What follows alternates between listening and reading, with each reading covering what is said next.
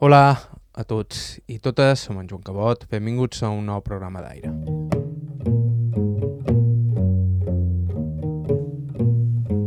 El passat dimecres 1 de març es va celebrar el Dia de les Illes Balears, un arxipèlag que molts consideren més unit per qüestions polítiques que no per uns lligams reals, tot i que des d'aquí, si serveix d'alguna cosa la nostra humil opinió, voldríem ressaltar tot allò que teniu en comú, si de cas més important que allò que per contra diferencia el tarannà de cada una de les illes que el formen. Al llarg de tots els anys que duim recollint testimonis per aire, ens hem trobat de tot, però hi ha certs trets que trobam arreu, a Formentera, Eivissa, Menorca i Mallorca, sovint les mateixes històries que remeten a un passat humil lligat a la pagesia i a l'economia de subsistència i el repte que varen suposar la Guerra Civil als anys de la postguerra i finalment el boom turístic. Avui, a Aire, volíem posar en valor de nou el nostre arxiu i fer un recorregut per totes les Balears, escoltant una veu, un testimoni procedent de cada una de les illes, un petit homenatge a allò que dona un poc de substància a un futur plegats, un passat conjunt. Estau escoltant Aire a IB3 Ràdio, us parla Joan Cabot. Començam.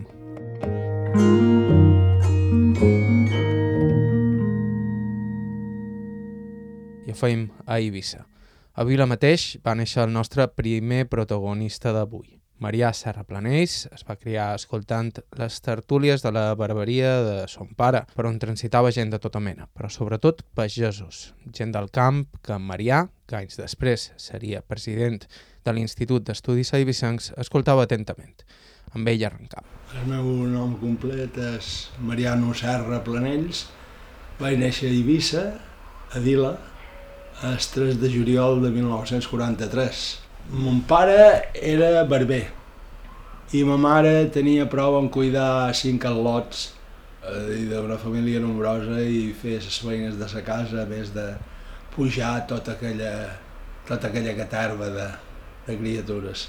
Jo he, he, sempre parlo de ma mare eh, dient que no conec ministre d'Hisenda en tota la història que hagi estat tan bona administradora i que hagi tingut tants de coneixements d'economia real per pujar tota aquella, aquella criollada i donar estudis als que volien, eh, volien estudiar i aixecar aquella família.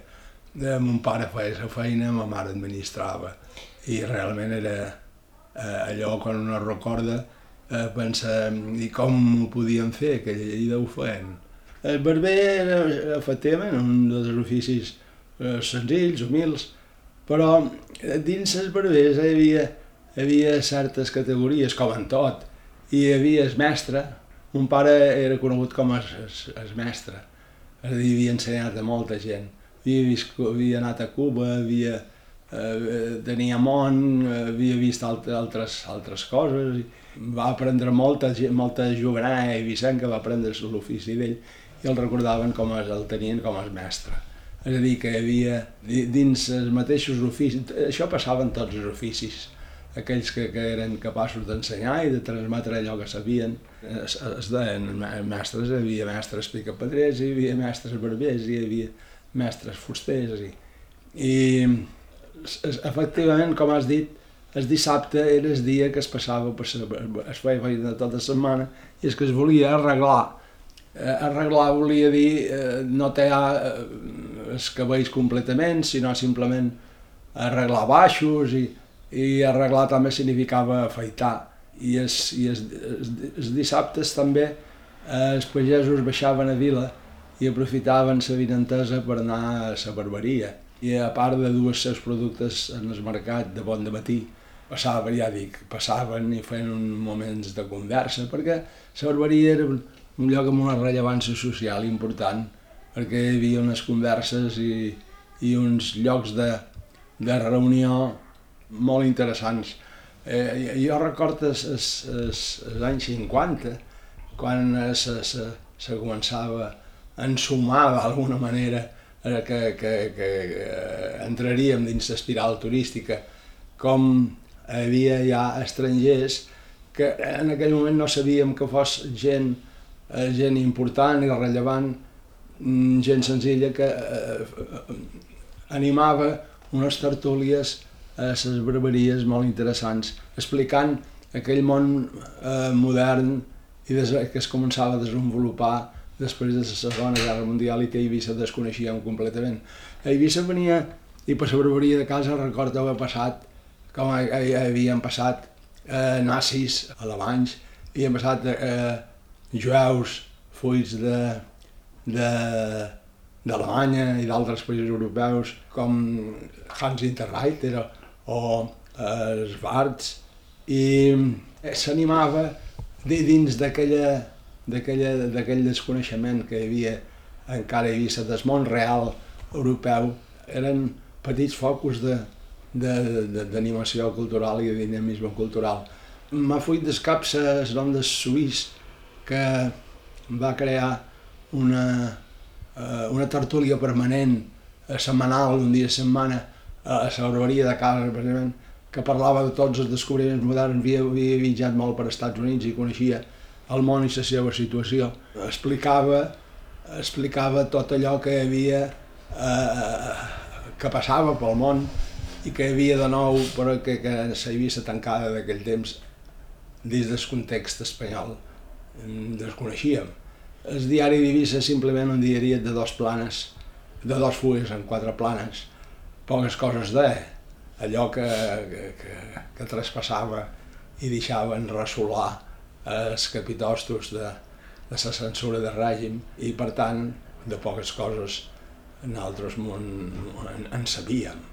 I, I aquella tertúlia d'aquell suís va ser realment interessant perquè l'apotecari de davant, el botiguer, el metge, eh, dic gent que, que anava a l'industrial, que, anava, que eren clients de la barberia, s'avenien en aquestes situacions i s'afegien en aquelles converses, lògicament en els lots petits, com jo era en aquell moment, ens despatxàvem, ens despatxàvem ràpidament quan, quan allí entràvem perquè la nostra feina era anar a escola i, i fer deures i, i jugar pel carrer i, i no, no sabre't allí eh, escoltar.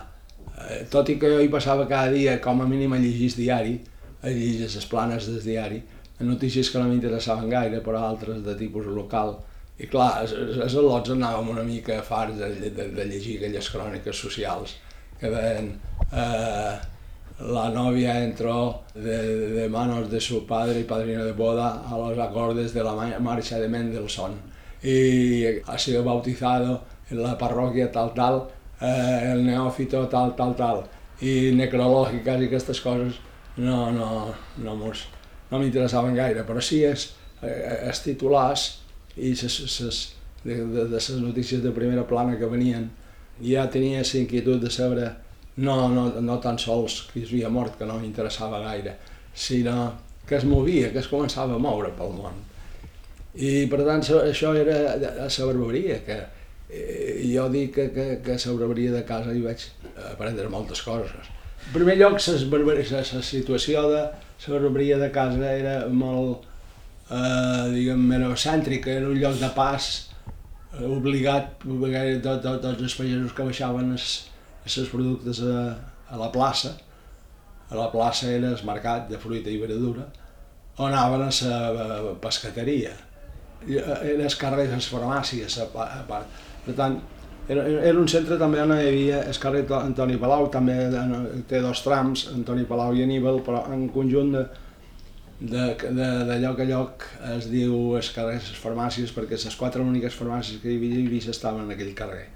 Dos en un primer tram i dos en un segon tram. I, i per tant, al ser un lloc eh, de pas obligat i un...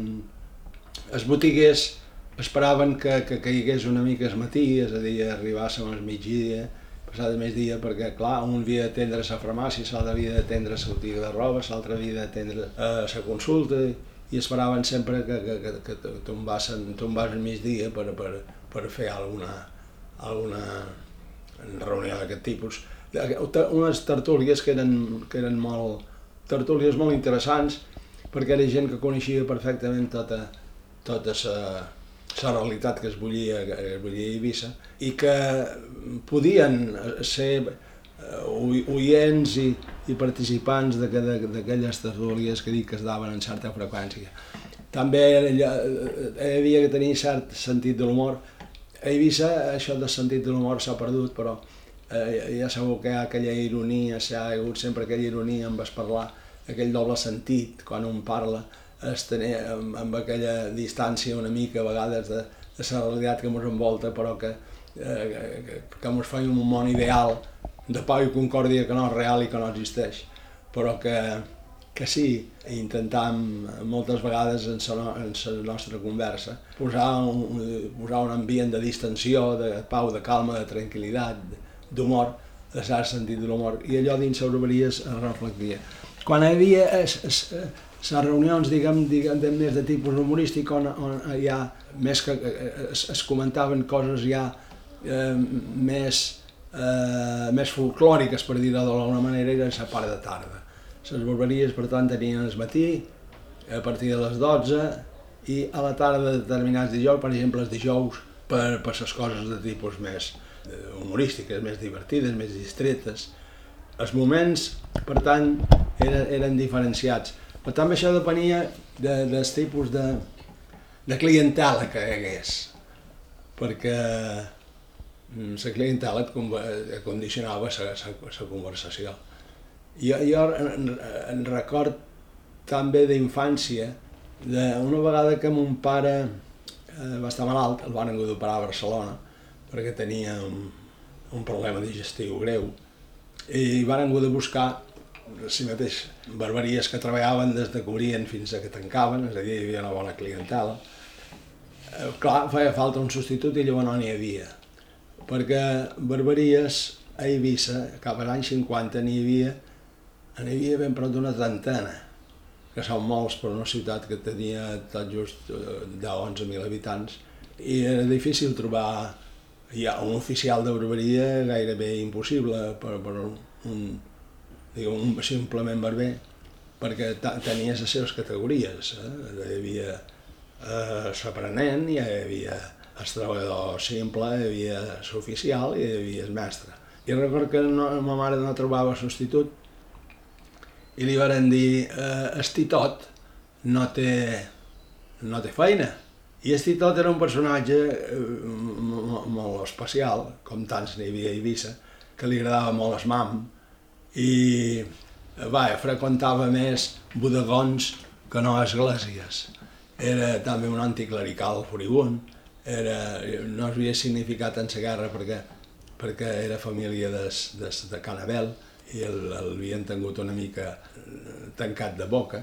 I ma mare contra cor va dir si no troba ningú a vestir tot, però demanant-li que, no, que no mami, perquè si imagina posar una, una navaja en el coll una persona que se sap a, a, en, es, en es, el que dèiem, el cadiró, es, es, allò li dèiem el castellí amb el sillon, i eh, li va dir, li va dir es, eh, Pepito, es deia Pe, Pepito Ross, i, però en la condició que no has de veure. I el van contractar mentre mon pare era a Barcelona. I aquella tertúlia de gent que freqüentava cada dia l'obreria que mantenien, sa, mantenien les converses habituals, va dir, jo no el got petit em va dir, escolta, quan tu te'n vaigues, perquè jo li havia dut dinar amb un sonor, ma mare li posava el dinar, li deixava aquí, Pepito, me tenga de quan te'n vaigues, digue-li, Titot, ets un frare, ets un carmelita, ets un descalç, frerutxo. I jo, vaig veure, carai, no, no sé si dir-li. I, i, i, quan, I quan li vaig dir ja sanar, li dic, Pepito, ets un frerutxo, e, ets un carmelita. I va mullar les ferramentes i em va encalçar i jo, cametes, valgueu-me, vaig començar a córrer cap a casa, pensar si m'agafa, em fotrà una estirada d'orelles, però i, i perquè s'ha molestat tant aquest home. I deia, que em digues cabró, que em digues fill de puta bé, vol que em digues carmelita, o que em digues descalç, o que em digues capellanot, això ja no. Això no t'ho perdona tu ni ningú. Carai, els vaig passar eh, fotudes, eh, perquè si ens arriba a agafar em ves, eh, espallat a l'honorer. A Eivissa, la cultura de la gent del camp eh, era, era d'un món ple de tradicions, molt tancat, però que a Vila era, era molt acceptat. No hi havia gaires discrepàncies. Sí, és veritat que entre, entre el món rural i el món urbà sempre hi havia aquell sentit de superioritat que tenia el vilero, per dir, l'habitant de, de, de, de vila, sobre els del camp, de, de pagesos. Es, es, la paraula pagesos podia tenir unes connotacions negatives en el sentit cultural, en el sentit social, però això no, no, no era tothom. Es, les pagesos de Divisa, el i la Sierra ja, ja, ja se'n va adonar, quan tot just arribava a veure es, es, es, que, que el món del camp i el, el món de, de, de, de la marineria i de, i de, i de, de la pesca eh, eren molt diferents. Els pagesos eh, era, era gent que culturalment ocupava l'escaló més baix, però hem de pensar que llavors hi havia poques escoles i les poques que hi havia estaven molt distants. Anar a escola per un, per un infant del camp li podia suposar caminar per arribar a l'escola dues i tres hores. I, i la gent, la gent pescadora sí que parlava en cert, eh, en cert desdeny de, de la de la gent de, de, de, del camp. Allí on, on se, hi havia llocs on s'evidenciava molt, per exemple, en cines, per exemple, en, en els espectacles públics. Quan a una escola de vila arribava un lot del camp, que se li deia de fora, vila i fora, eh, ja, hi havia certes reticències, certs sarcasmes i, i a vegades els lots de fora pues, es feien valer esvergant alguna, algun cop de puny eh, fent valer la seva superioritat física i que jo som pagès però, però no bambo. I això sí que, sí que era, però al llarg de, des, des, des, des, des anys vaig veure que el camp tenia... M'agradava molt anar al camp i poder parlar amb la gent d'edat i, unes converses realment en aquest moment serien excepcionals d'aquells pagesos que havien estat a Cuba, que havien, estat, que havien anat a Amèrica, havien anat a l'Uruguai, havien anat a l'Argentina, que havien treballat, havien viscut, i ja havien viscut altres mons, altres cultures, altres maneres de, de ser, de viure i de sentir i de pensar i, i això era Eivissa també.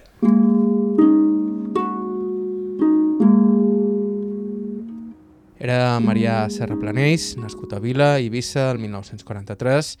El següent protagonista el vàrem entrevistar a Menorca. Ell va néixer a Lalló el 1932 i es diu José Desiderio Pons Camps.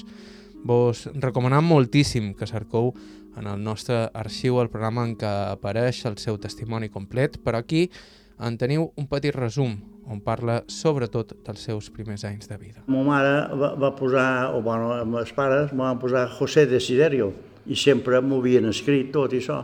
Quan vaig anar a Samili, els militars m'ho van dir que de Desiderio res, que si no era, que si no era apellido, fora. I, I per això després ja no van escriure més. Eh, que vull dir?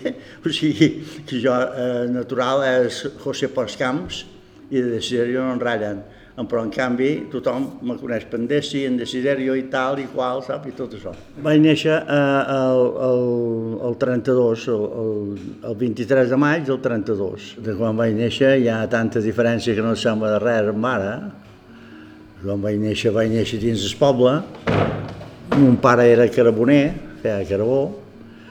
Després, a poc a poc, va passar al camp, ell va fer pagès, m'ho van anar del poble, m'ho van fer dins la guerra, m'ho van anar a un lloc que es diu Sant Obertí, a Esterma d'Oló.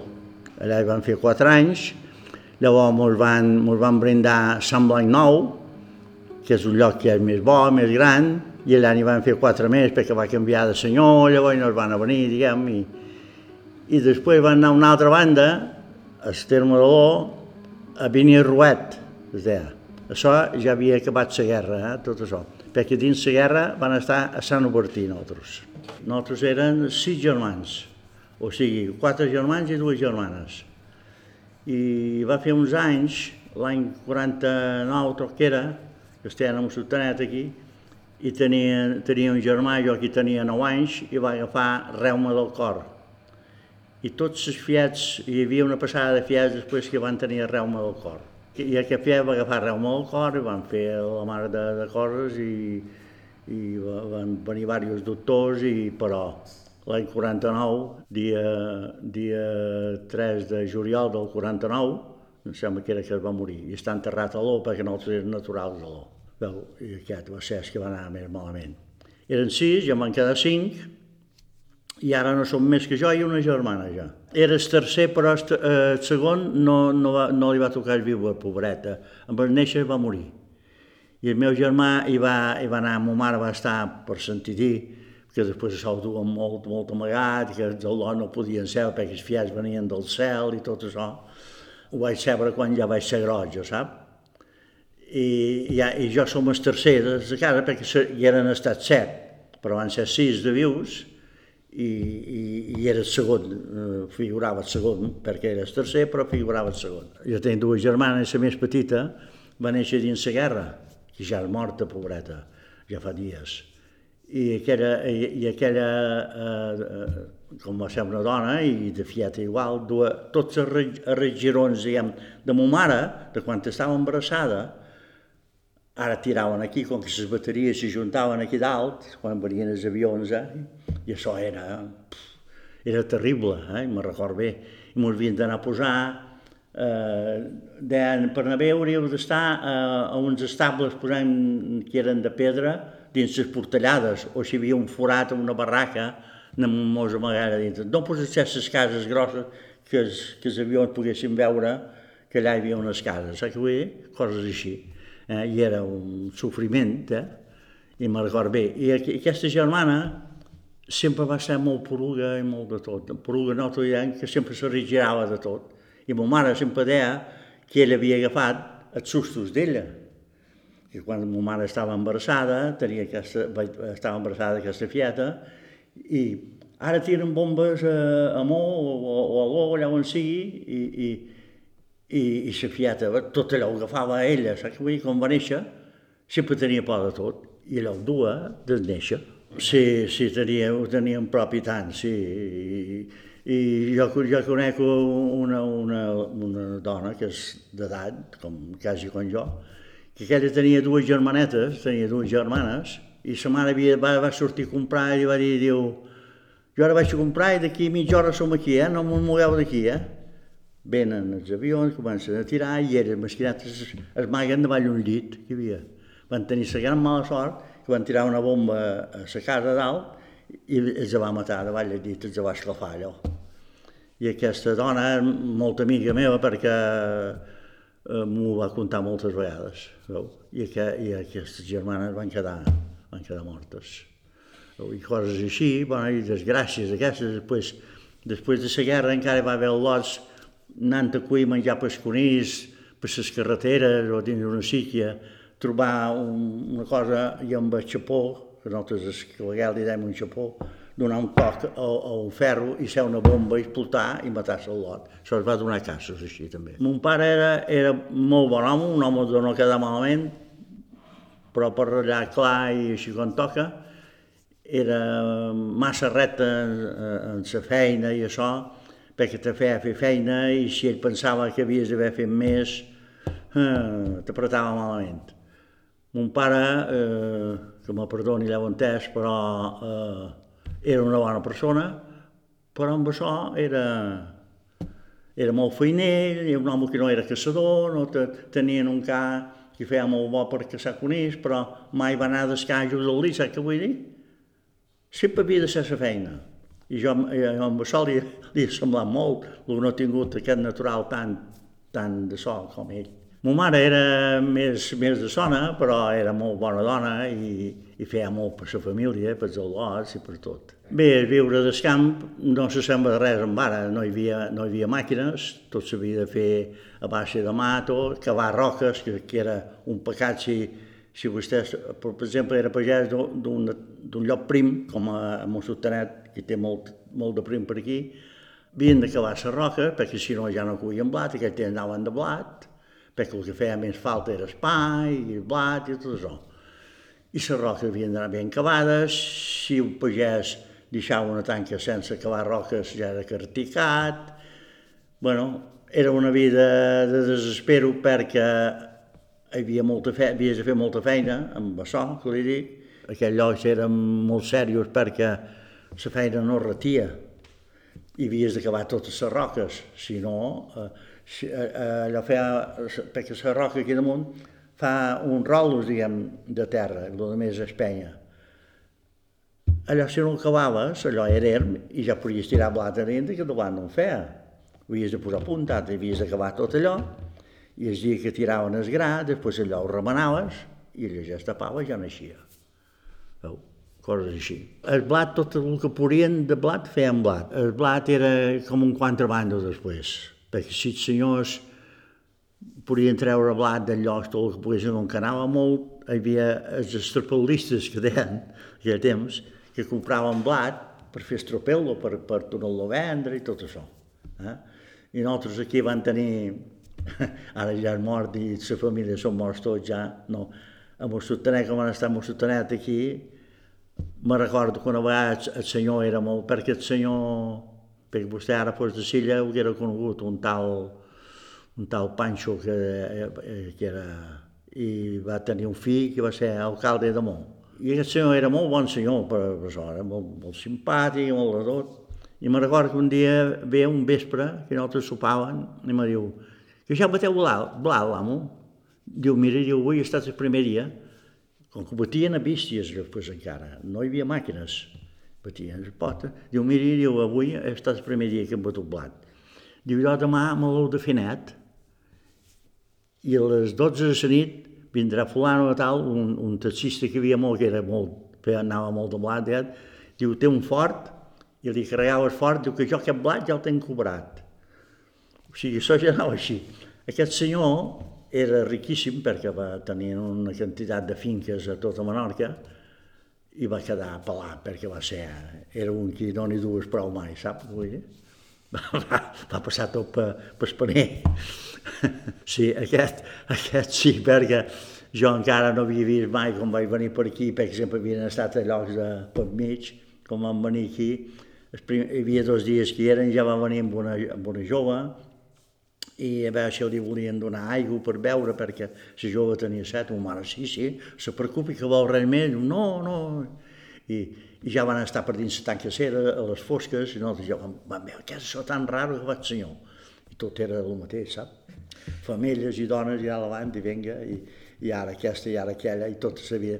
Després va arribar al final que es va casar, va tenir dos fills, no sé si va tenir dos fills i una filla, no ho recordo prou bé. I bueno, res, era un derrotxe que seva, i, i va quedar derrotxat tot. Els senyors, la majoria de senyors no tenien carrera, com avui en dia els fills i tothom té carrera, i vivien de les finques.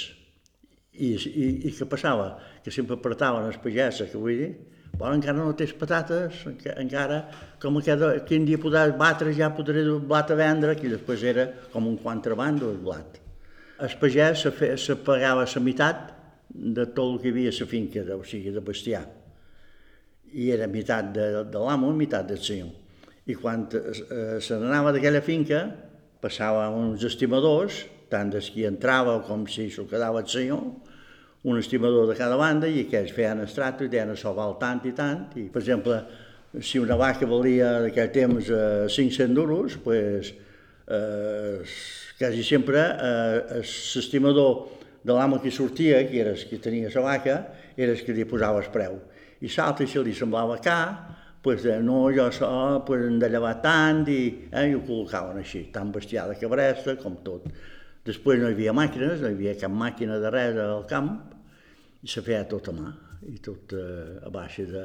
Si era segar, segar a mà, els trossets plans ho segaven amb una, amb, una, amb una bístia i una màquina antiga d'aquesta per segar, per segar blat, per segar ordi, i jo, que era un fiat, ja m'anava la màquina perquè vaig començar a semblar nou a anar a la màquina i, i devia tenir set anys, o, i el blat, els plans ja, ja m'anava d'altres caps, saps què vull dir? Jo era més petit que el blat, veu? I ja vaig començar així. És que feina, feina de tornar-hi, quan van començar a fer feina de tornar, ja tenia 14 anys, jo tenia, per exemple, coses de bestiar, aquesta. Ara vens, ara capres, ara vaques, anem a anar i ajudar a Sé que ma mare havia d'anar a fer feina i coses, i ja me duen a una escola. Però després, com es, mon pare va fer pagès, ja no vaig poder anar a escola, perquè quan just vaig poder anar d'Alto Nasa i carregar mel de gerres de llet per dur l'olor, havia de fer dues hores per anar i dues per venir. I el primer dia que me, me van dir, quan siguis, quan t'hagis dut la llet a un que li a Camp Patricio, fer-me a Cas Ferrer i te'n vas a escola. Me recordarà sempre d'això. I ja no hi vaig tornar, perquè quan vaig arribar a escola, els al·lots eren a recreu. Hi havia, per cert, que era, que era de Mallorquina, una, maestra, una mestra, i com a, me sembla que la veig ficar perquè la coneguda tots i diu i tu també has de jugar a futbol ara? Dic, dic no senyora, dic jo me passa això i això, la casa som al camp, he fet dues hores d'autonasa per venir i, i antes havien de munyir i fer tot això, duia la llet a Can Patricio i això, i jo arrib tard. Tu que trobes que són hores ara i els al·lotges són a recreu i el capvespre, què has de fer? Que el capvespre ja té que ser a casa per tornar a partir, a replegar vents i cabra, hi havia molta marina i dic, i, i no podré venir. Jo, jo plorant i vaig dir això, vaig arribar a la casa, em diuen com ha anat a escola i vaig explicar això. Ma mare diu, jo no era allà amb ella i li diré que tu a escola no hi pots anar. I jo havia d'anar a la mili i no sabia res. Però aquí hi havia, per cert que estava a una casa al costat o a l'altra estava hi havia un mestre d'escola que vivia aquí i nosaltres que, que ja vam, vam venir cap a Sant Climent, aquest, aquest temps ja estem a Sant Climent un lloc que es diu Mossotanet, al costat del casino de Sant Climent. I li vaig dir, per favor, senyor Llorenç, m'hauria de fer una hora almenys d'escola cada dia, jo li pagaré el que sigui, perquè m'entenc que anar a Samili i no sé fer una O un got. I estic afrontat, perquè no sé, havien estat un fora, nosaltres al poble i tot això. Bé, no, no passis cap pena. Bé, i aquell senyor me va arrencar. Vaig fer una hora amb ell, jo hi vaig posar molt d'interès, no és que sàpiga res, diguem, com aquell que diu, de vora que s'hi han estudiat, però me defensava ja, saps què vull dir? Ja, ja, ja posava la firma, ja ratllava de coses, i això ha estat la vida meva. I després, la manera d'anar vestits, pues, molt malament, perquè no hi havia doblers per comprar de que un concu de mon pare o un germà de l'avi mos donaven un sau o mos donaven unes abarques i mon pare de trossos de goma que havien tirat de cotxos que allò no sabia com em podien dur, perquè jo encara me recordo dins les xiquies de les carreteres tiraven gomes cobertes de so de cotxo, que estaven tan gastades que tenien un forat així. Jo pensava, com ho poden dur això? Mon, mare, mon pare feia trossos d'allò i, i amb fils de ferro m'ho feien unes abarques i duen les abarques aquelles. I els al·lots, jo primerament de sedes, sedes i talls de vent, allò era un desastre perquè anaven mal vestits, Després se sembrava molta col borda per, per bestiar, per les vaques.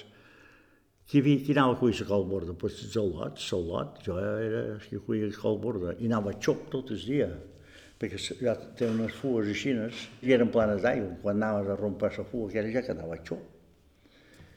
I això era la vida dels al·lots de fora de poble, si estaven un poc fora, que no podien anar a escola, ni podien fer res, i feien això era Andesi Pons Camps, nascut a Lalló el 1932.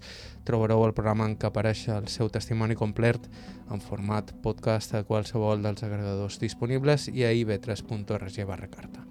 Estau escoltant Aire a IB3 Ràdio, fem una breu pausa i en uns segons viatjam a Mallorca i Formentera per completar aquesta especial amb motiu del Dia de les Illes Balears. Hola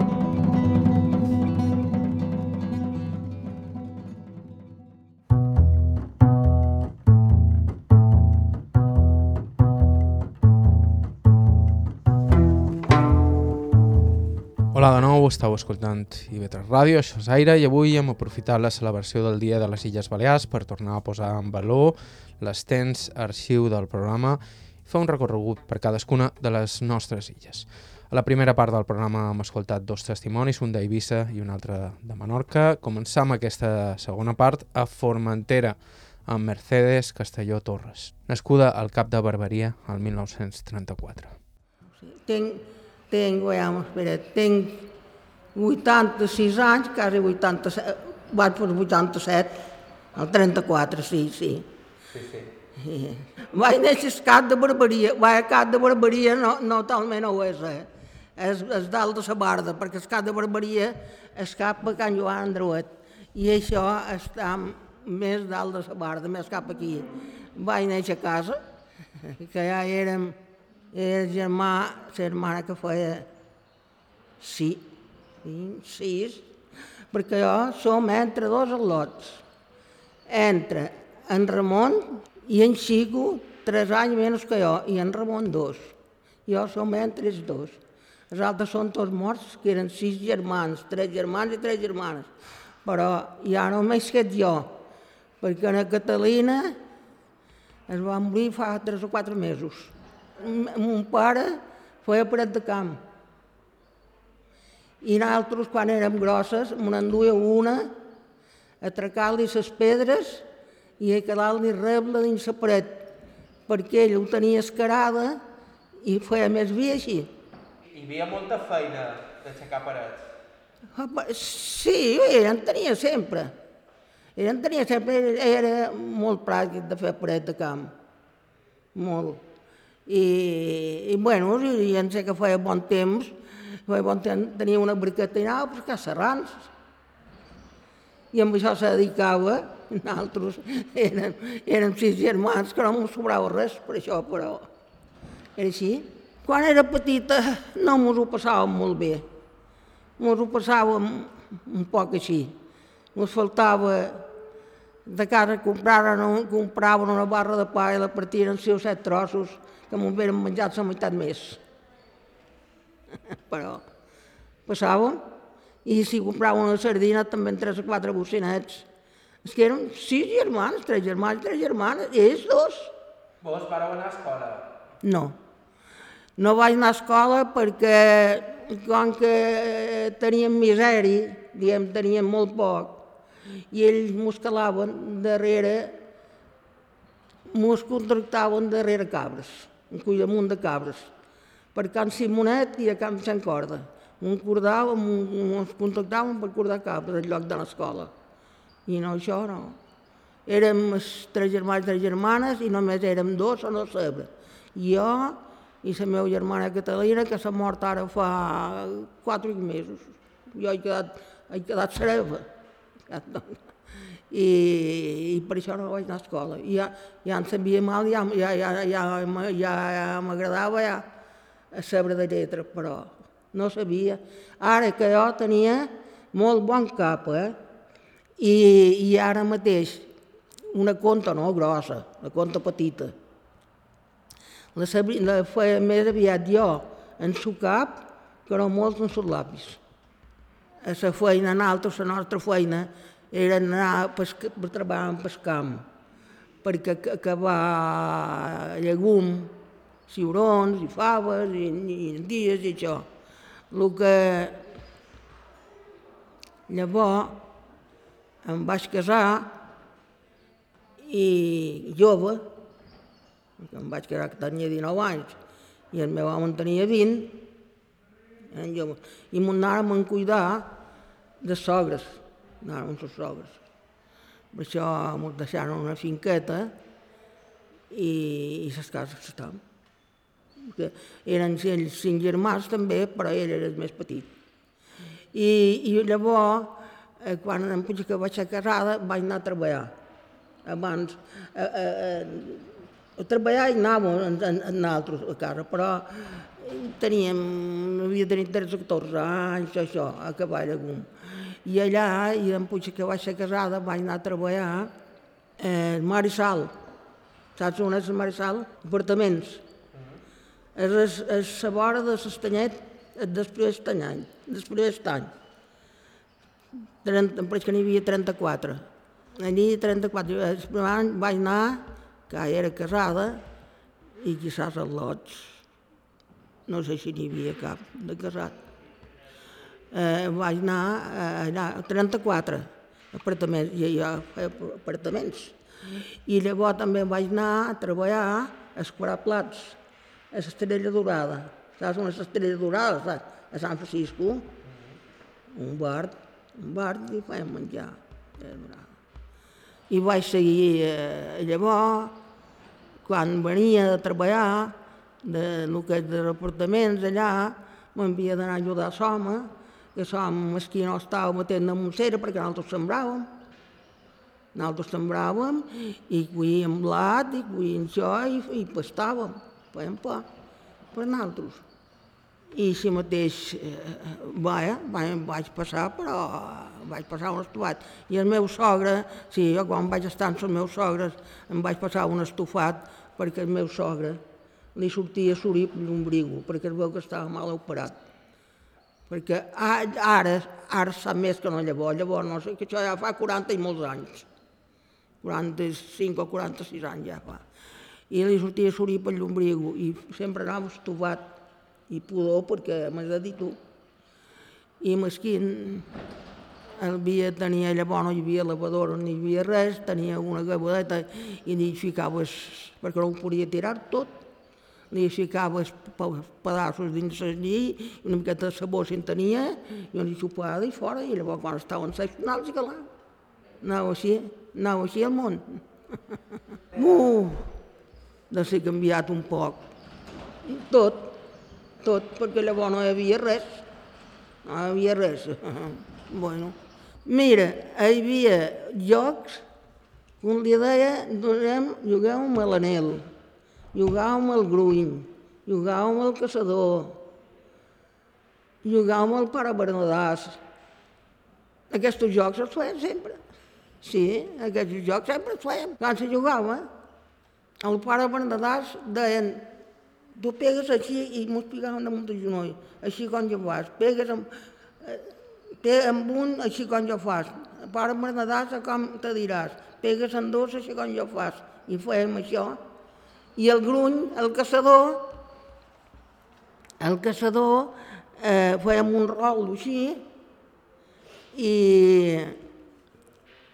i hi havia un que passava el joc, la meva germana, aquesta era molt pràctic, però mancava una cadira. De pare Bernadàs, no, el, el, això era el gruny. El gruny, no, el caçador. Vaig anar a caçar per Pujol del Fum, vaig, vaig veure un conill, sac pum. Vaig, vaig anar a caçar per la Ponterrada, vaig veure un conill, res. Ai, i llavors diuen, vaig anar a caçar per Pujol del Marès, vaig veure un conill, sac res. I escala a seure, i queda, una, i queda un, queda un que, que no es cal seure, que, que, que, que es mancava una cadira, i, i, i paga penyora llavors. Paga el que dues, un botó, un mocador, el que sigues, però llavors l'has de reempenyar. Llavors diuen, aquesta penyoreta de qui és? I un diu, meu, de vostè, i què faria vostè per bastar-la? El que jo podria i vostè manaria i empenyava espanyola i, i, i mos feien la vida amb aquests jocs. Era Mercedes Castelló Torres, nascuda a Formentera el 1934, i encara escoltarem avui una darrera bou, completant així el nostre recorregut per totes les illes. Aquest que escoltareu a continuació és el morè Joan Segura, de qui es podria dir que va néixer el forn. El seu padrí i son pare ja eren forners i ell va treballar des dels 13 anys a Can Segura, al carrer Major del poble. El padrí va morir mon pare devia tenir 10 o 12 anys. Eren set germans, germanes, i, i la padrina va quedar al front del, del, del forn. Jo recordo, mon pare me contava que de petit eh, li posaven una, una barcella girades al revés per poder arribar a la boca del forn per poder pelatjar. Vull dir que eh, bueno, eren temps durs. Mon pare va néixer l'any 1907, doncs ja l'he vist el 1920, quan va morir el padrí. I bé, mon pare va, va, va fundar el fons d'aquí del carrer Major eh, l'any 1933. Se va casar amb ma mare, ma mare era de Porreres, i, i més van establir que jo vaig néixer el 43. Mm, en aquell temps jo record que hi havia eh, eren tres germans que tenim el tio Joan que regentava el forn que era de casa padrina mon pare que s'havia establit en el carrer Major i el meu padrí jove que era el tio Jaume que regentava un forn del carrer de Santana que encara estan oberts I el meu ja està tancat, perquè el vaig tancar jo. I tot tres partien de, del mateix forn? Sí, i a més hi havia mm, en Manco tres o quatre forns més. Ara, l'exactitud, mm, són un, dos, tres, quatre, quatre forns més hi havia en Manco, d'Imburó, a part d'aquests tres. També eren aquells temps en què els forns no només feien la seva pròpia producció, sinó que en fornaven molta llavors, llavors era molt comú, eren, eren forns comuns. Llavors la gent pastava i duia pa, a caure el pa. Jo ho recordo molt bé, eh, això encara de, de, de, de, de, de nin. Jo, jo veia la gent que venia a demanar fornes diantes per poder dur pa, pastaven a casa seva i duien el pa caure i pans que feien 3 quilos i mig i, i, i de vegades, clar, eh, dins els fons que, que, que hi havia a nostra hi havien d'aquests pans grossos, que eren molt grossos, eh, fàcilment 70 o 80 pans, fons grossos, i de vegades, clar, eh, demanaven font, en feien tres i tres i se refenta per nin i se per nin, era un pa el doble que menjam avui i, i de vegades el puesto no, no bastava. Jo havia d'anar o bé cal tio, o bé l'altre tio, o bé allà, allà on hi pogués cabre hi havia de dur la posta allà, llavors d'anar a el pa cuit i pagaven un tant per l'escocció i poques coses més, fèiem, guanyaven la vida, el diumenge fèiem encimades, el dia fanés poques, qualcuna, si mateix per cafès i coses així, garetes d'oli i, i, un pot de pa llavors per vendre. Després va anar canviant. Jo record, jo he viscut eh, els temps de, de, de, de, de les característiques de racionament. Jo d'infant, jo me recordo la meva germana i jo, estàvem asseguts en una tauleta petita que ens van posar i la meva germana apuntava coses en jo, jo estava de vora que encara era més, més petit i hi havia el cupó de racionament i jo recordo molt bé que la gent eh, no tenia suficient per, per viure. I, i jo recordo quan mon pare me deia que hi havia temps difícils que un picapedrer guanyava unes 32 o 33 pessetes diaris i, i, i un pal li costava 30 pessetes, o sigui que eren temps molt, molt, molt durs. I, i, i la gent des, des, des poble, la gent pagesa, tenia l'avantatge de que tenien per menjar, tenien per menjar, tenien suficientment recursos, a més, hi havia, es trampetjaven, trampetjaven en el sentit de que tenien animals, i la collita de, de, de, de cereals, eh, clar, l'excusa de que tenien d'alimentats animals, també es guardaven.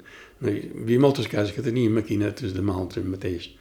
Això hi havia molins que hi havia, hi havia almenys un, tres o quatre molins a Muró, que eren més, més que res, de molins maquilers, que eren per, per, per maldre per els animals, però aprofitaven per maldre per les persones jo recordo una anècdota molt, molt curiosa. Jo vaig viure. Jo, jo me record que allà on és el convent actual s'hi repartia els grans. Clar, hi havia, estava molt tassat, per tant se, se distribuïa el gra eh, pel poble. I, I recordo una anècdota que me contava mon pare que hi va un balde de muro en plena postguerra, que diguéssim que jo era molt infant, jo no ho recordo, jo però eh, perquè jo estava prohibit tudar res de, de, de la farina, o sigui, havien de menjar el pa integral, el pa en tot, el segó i tot, perquè no bastava, hi havia fam. I clar, el truc era que la gent no, no, no, no volia, volia menjar el pa blanc.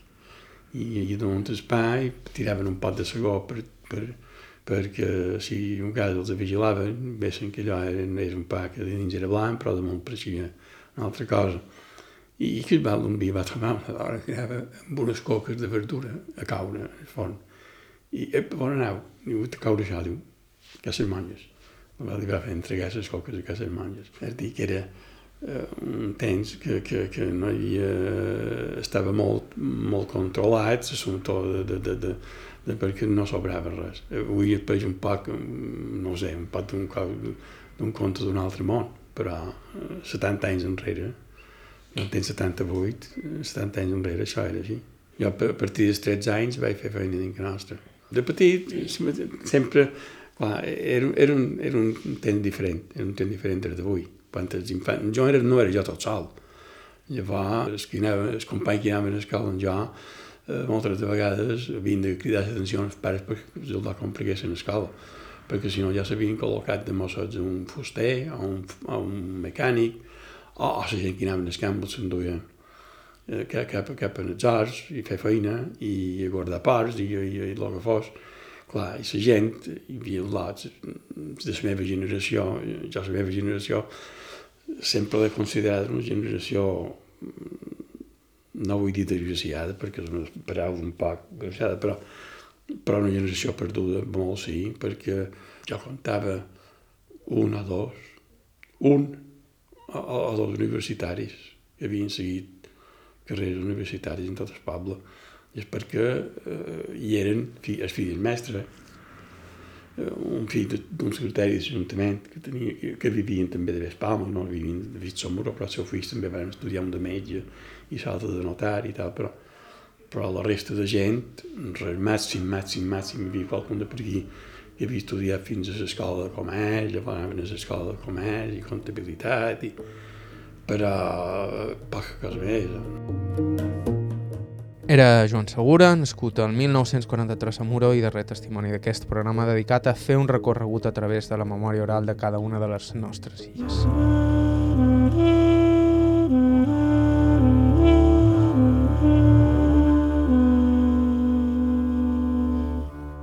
Fins aquí el programa d'avui. Tornem la setmana que ve amb nous testimonis. Mentrestant, vos recordam que podeu accedir a tot el nostre arxiu i vos podeu subscriure al nostre podcast a qualsevol dels agregadors disponibles.